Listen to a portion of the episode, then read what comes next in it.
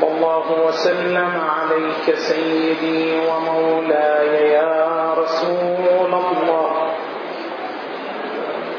على آلك الطيبين الطاهرين المظلومين لعن الله الظالمين لكم من الأولين والآخرين السلام عليك سيدي ومولاي.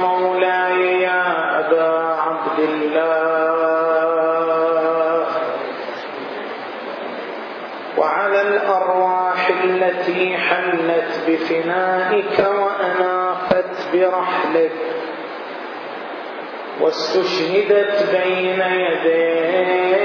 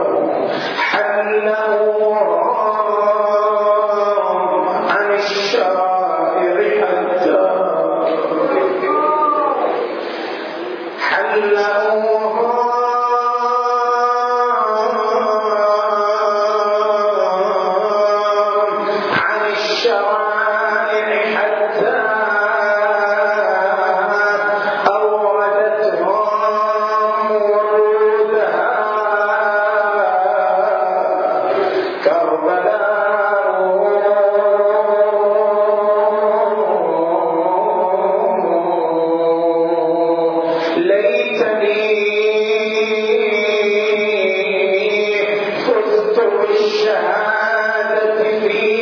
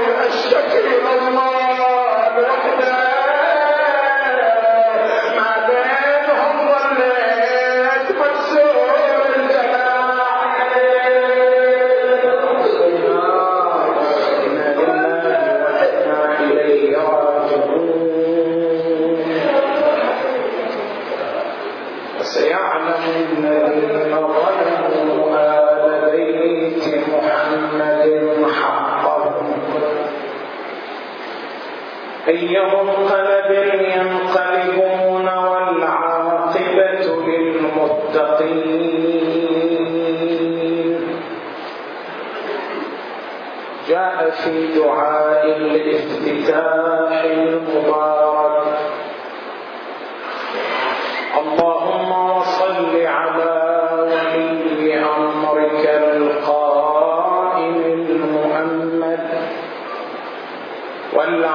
والعدل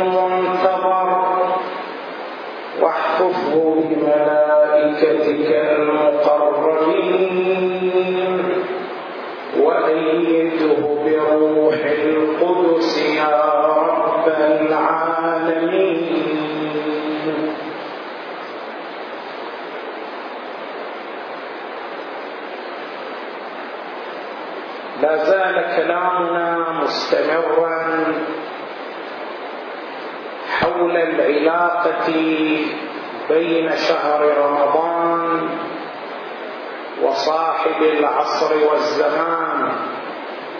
عجل الله فرجه الشريف. وذكرنا بأن فهم العلاقة بين الشهر الكريم والإمام العظيم يتوقف على معرفة مقدمات. والمقدمة الأولى تقدمت وهي أن شهر رمضان هو شهر الفيض الإلهي. المقدمة الثانية هي أن المخلوق لا قابلية له لتلقي الفيض الإلهي بالمباشرة.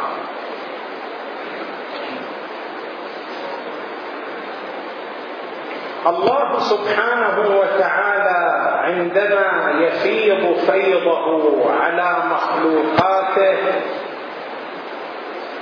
فإن المخلوق بطبيعته لا يقوى على تلقي الفيض الإلهي بالمباشرة لماذا؟ ما هو البرهان على هذه المقدمة؟ البرهان على هذه المقدمة أن فيض الله سبحانه وتعالى فيض غير محدود. لما؟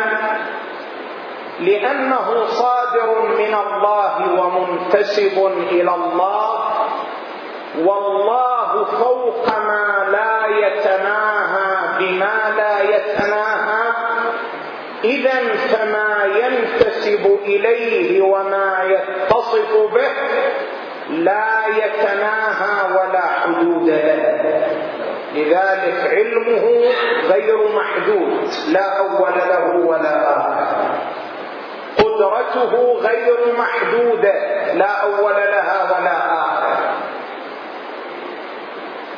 وهكذا بقية صفاته سبحانه وتعالى لا حد لها إلا أنها لا حد لها.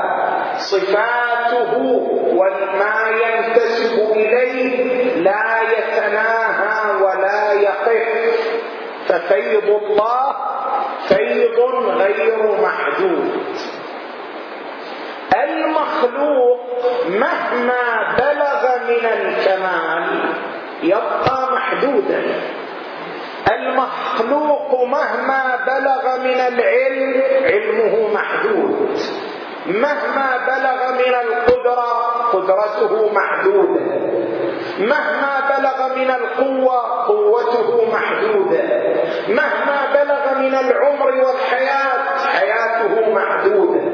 المخلوق محدود بطبيعته محدود. فإذا كان الخالق غير محدود وكان المخلوق محدودا فمن المحال أن يستوعب المحدود اللامحدود هذا معنى العقل. ما دام المخلوق محدودا والفيض الإلهي غير غير محدود من المحال أن يستوعب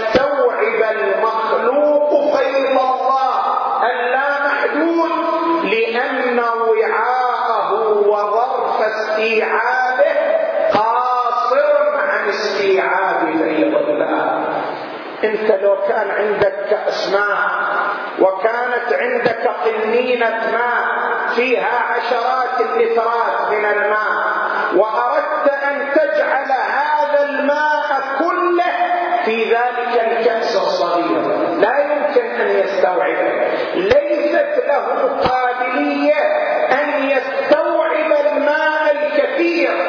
الإنسان ليست له قابلية أن يستوعب الطاقة الشمسية بالمباشرة لأنه محدود والطاقة الشمسية رغم أنها محدودة أيضا إلا أنها فوق طاقة الإنسان.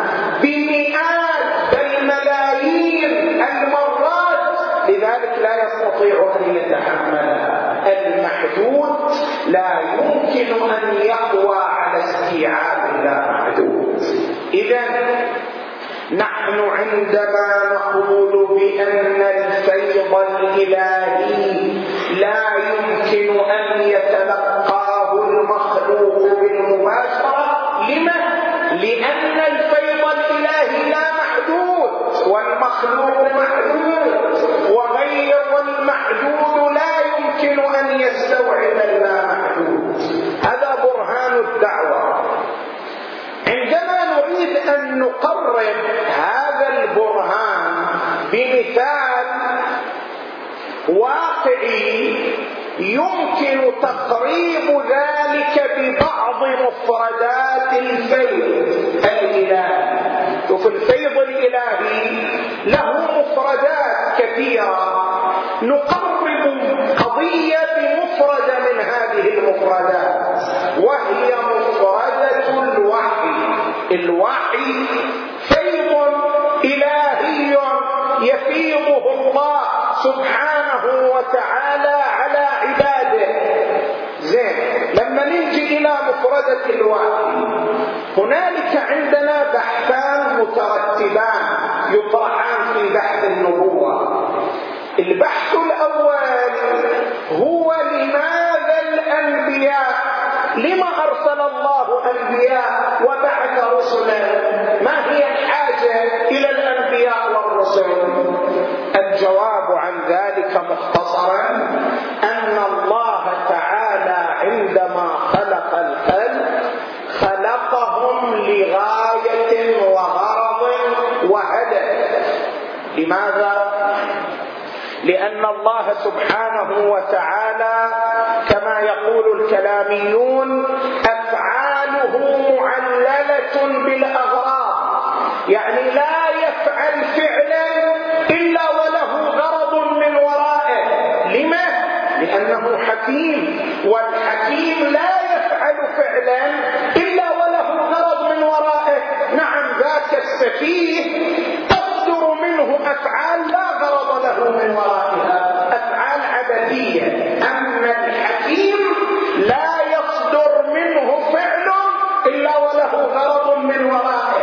لذلك الكلاميون يؤسسون قاعدة اسمها قاعدة ماذا؟ الأفعال معللة بالأغراض. أفعال الله معللة معللة بالأغراض. يعني أنه لا يفعل فعلا إلا لغرض. لغاية خلق الفعل. هذا فعل من أفعال. له غاية وغرض أم لا؟ نعم. وما خلقت الجن والإنس إلا ليعبدون. فعله لغرض غرضه أن يصل البشر إلى الكمال من خلال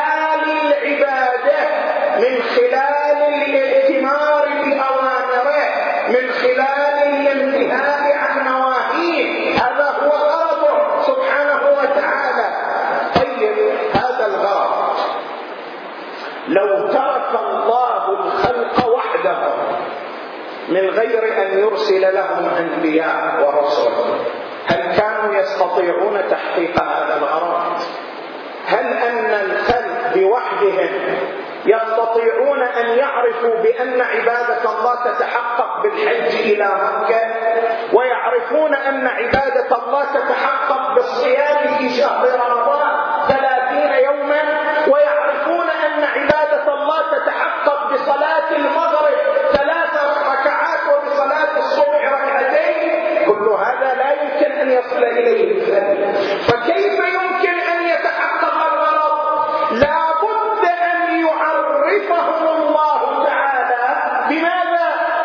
بطريق تحقيق الغرض بكيفية الوصول إلى الجمال وبما أن الخلق لا يشاهدوه ولا يلامسوه لذلك جعل واسطة بينه وبينهم من أجل تحقيق غرضه ولو لم يجعل الواسطة لاخل بغرضه والله تعالى حكيم لا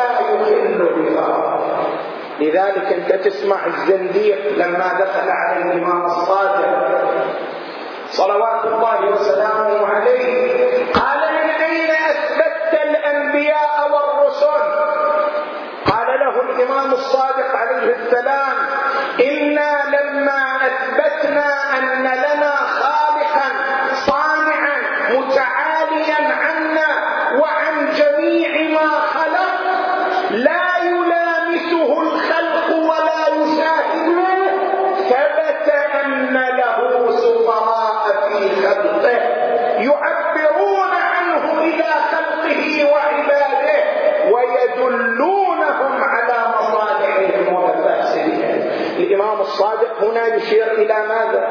ماذا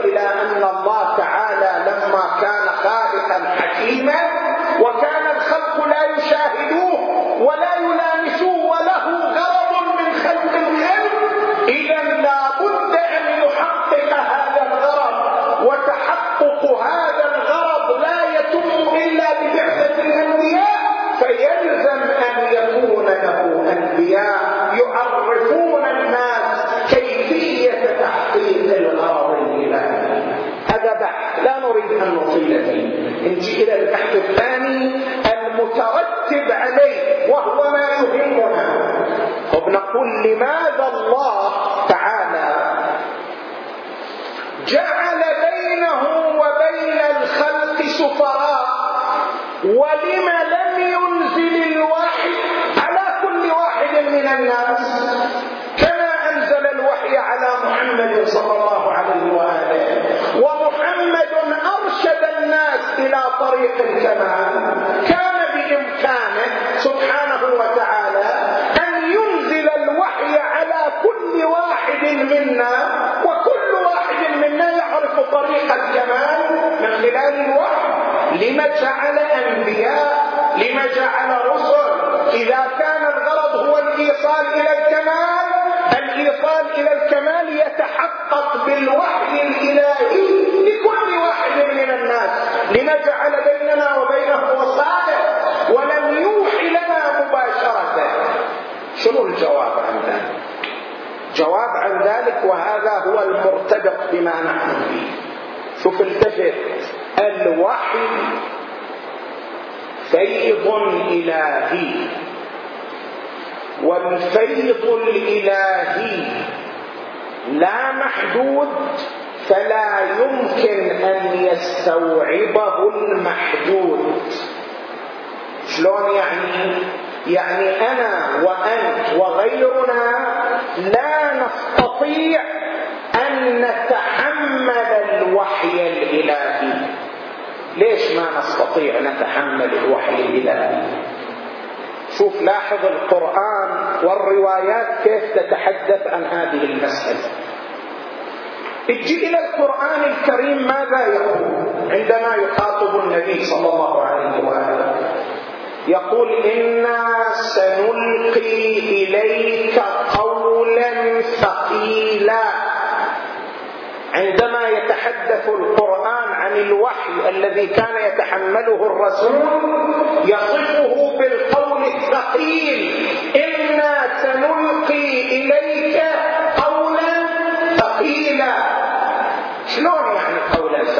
ثقل هذا الأمر ثقل هذا الوحي ثقل هذا القول.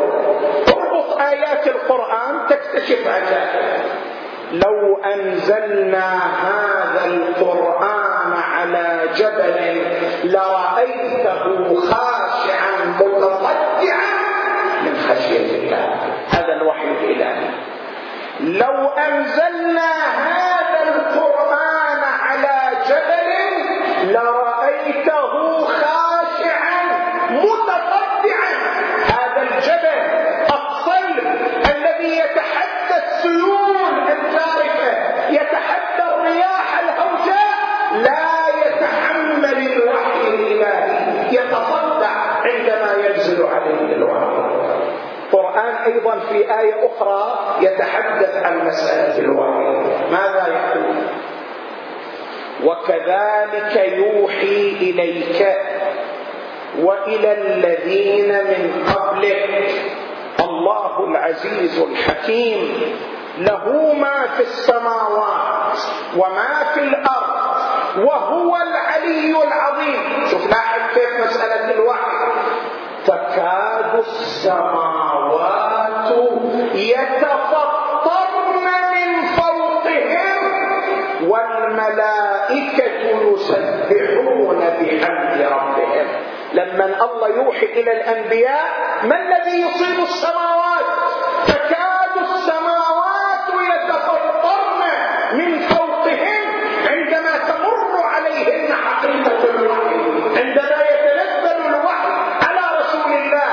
وهذا المعنى وارد في الروايات. في الرواية ورد أن النبي صلى الله عليه وآله يقول إن الله تعالى إذا أراد أن يأمر أن يوحي بأمر كان يتكلم بالوحي. شوف لاحظ فإذا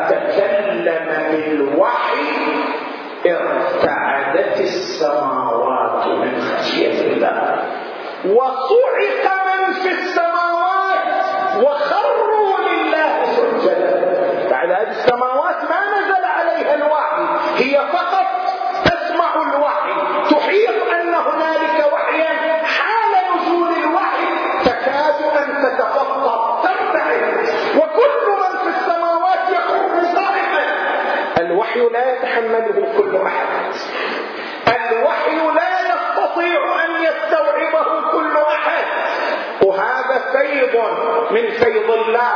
هذا الفيض لا تستطيع السماوات أن تتحمله شوف القرآن شو يقول أأنتم أشد خلقا؟ أم السماء؟ بناها هذه السماء المحكمة المتقنة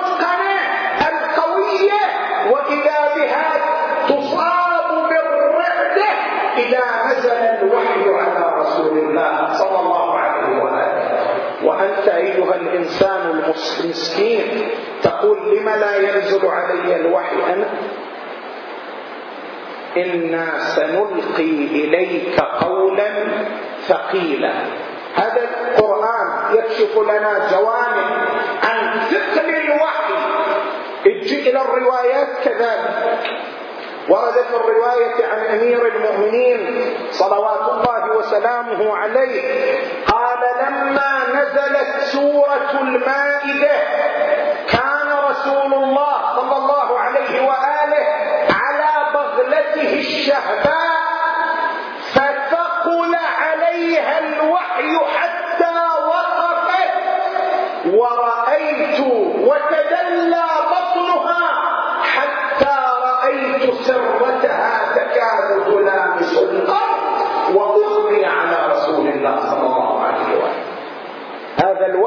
الذي كان ينزل على رسول الله كان يفعل برسول الله هكذا وهو أكمل الخلق وأشرف الخلق وسيد الخلق صلى الله عليه وآله. مع ذلك إذا نزل عليه الفيض الإلهي مباشرة كان النبي صلى الله عليه وآله يغمى عليه. زرار يسأل الإمام الصادق صلوات الله وسلامه عليه. قلت يا ابن رسول الله ما تلك الغشية التي كانت تصيب رسول الله صلى الله عليه وآله؟ إذا نزل عليه الوحي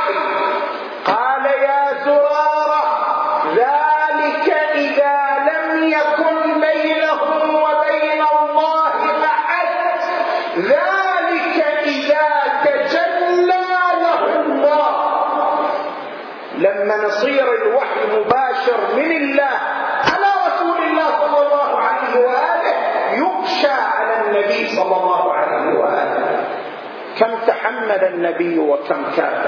خصوصا إذا ضممنا إلى ذلك ما يذكره بعض المؤرخين من أن الوحي الذي نزل على رسول الله بالمباشرة أكثر من الوحي الذي نزل عليه عن طريق جبرائيل والرسول في كل مرة ينزل عليه الوحي بالمباشرة كانت تصيبه حالة إغماء من شدة الوحي وثقله إذا ماذا تحمله النبي صلى الله عليه وسلم؟ فالوحي لأنه فيض مباشر والفيض الإلهي لا محدود لذلك المخلوق لا يستطيع أن يتحمله.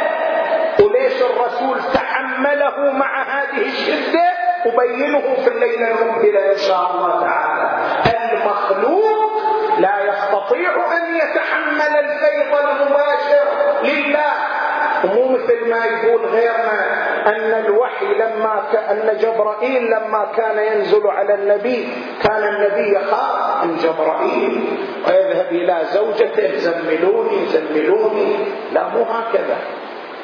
الإمام الصادق عليه السلام يقول كان إذا نزل جبرائيل على رسول الله صلى الله عليه وآله قعد بين يديه قعدة العبد وكان لا يدخل عليه حتى يستأذنه. جبرائيل عبد ذليل بين يدي رسول الله ويتشرف أن يكون عبدا لرسول الله صلى الله عليه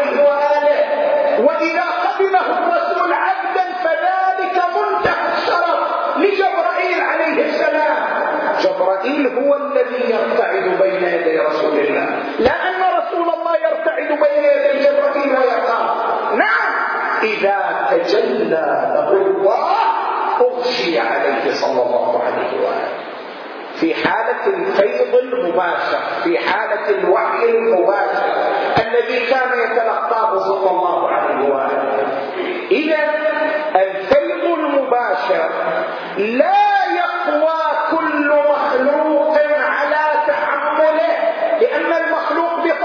بطبيعته لا محدود والفيض الإلهي لا محدود. فكيف تكون له قابلية لتلقيه وتحمله؟ لذلك حتى الأنبياء متفاوتين في المراتب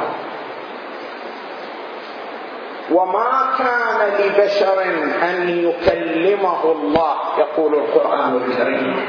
وما كان لبشر أن يكلمه الله إلا وحيا أو من وراء حجاب أو يرسل رسولا فيوحي بإذنه ما يشاء. ليش هذا التعدد؟ واحد يوحي إليه مباشرة واحد يخاطبه من وراء حجاب يخلق له الكلام في الشجرة واحد آخر يرسل له رسول لأن قابليات الأنبياء مختلفة. قابليات الأنبياء متفاوتة. لذلك لما نجي إلى القرآن يصرح القرآن بهذه الحقيقة. شوف لما يتحدث عن النبي صلى الله عليه وآله ماذا يقول؟ ثم دنا فتدلى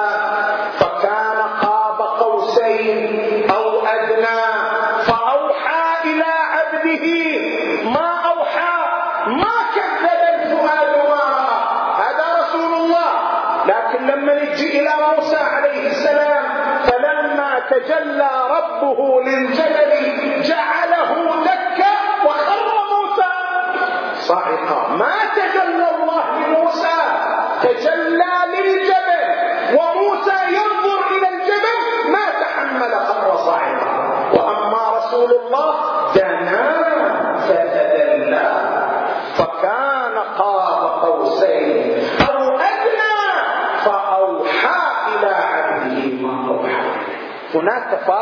مراتب موسى نبي من أنبياء أولي العزم أصحاب الشرائع ولكن لم يصل إلى رتبة رسول الله صلى الله عليه واله اذا الفيض الإلهي لا يمكن أن يتلقاه المخلوق بالمباشرة.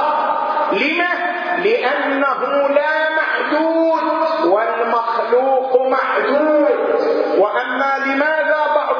المخلوقات عندها القوه على تلقيه هذا ما سنبينه إن شاء الله تعالى. ففيض الله لا يمكن أن يفاض على العباد بالمباشرة عقلا وبرهانا. لذلك الله بنى الكون على نظام الوسائط الإماتة فعل من أفعال الله لكن الله لا يفيضها بالمباشرة. لأن الخلق لا يتحملون. الخلق لا يتحملون. لذلك جعل ملك الموت واسطة بينه وبين الخلق. لذلك هذا ما له استثناء إلا لمن لهم قابلية تحمل الفيض مباشرة. الرواية واردة عن النبي صلى الله عليه وآله يرويها أبو ذر يخاطبه ملك الموت يقول وإني لأتولى قبض أرواح الخلائق بيدي ما خلاك وعليا. وفي بعض الروايات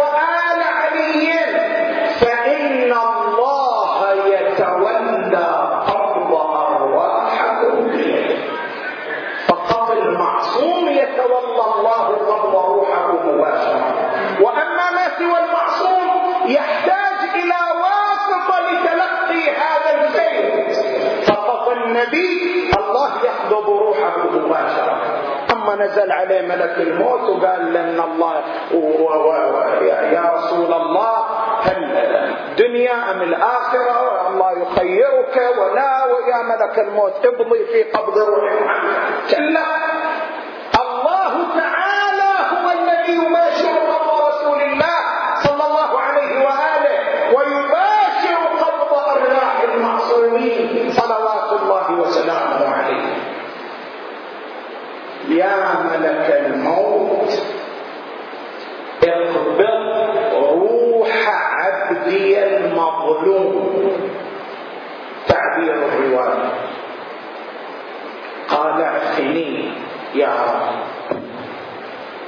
قال اعفني يا رب. قال اقبض روحه. قال ومن أين أقبض روحه؟ قال اقبض روحه من فمه. قال يا رب إن السهم مزق الحسين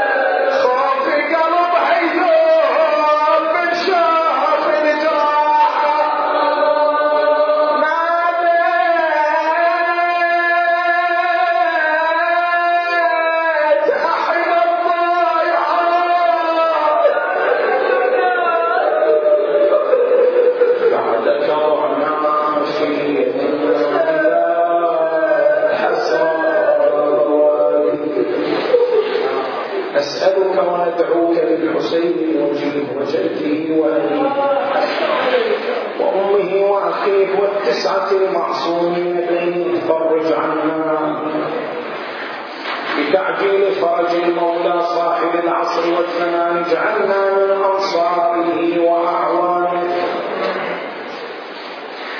والمقاتلين بين يديه والمستشهدين تحت لوائه.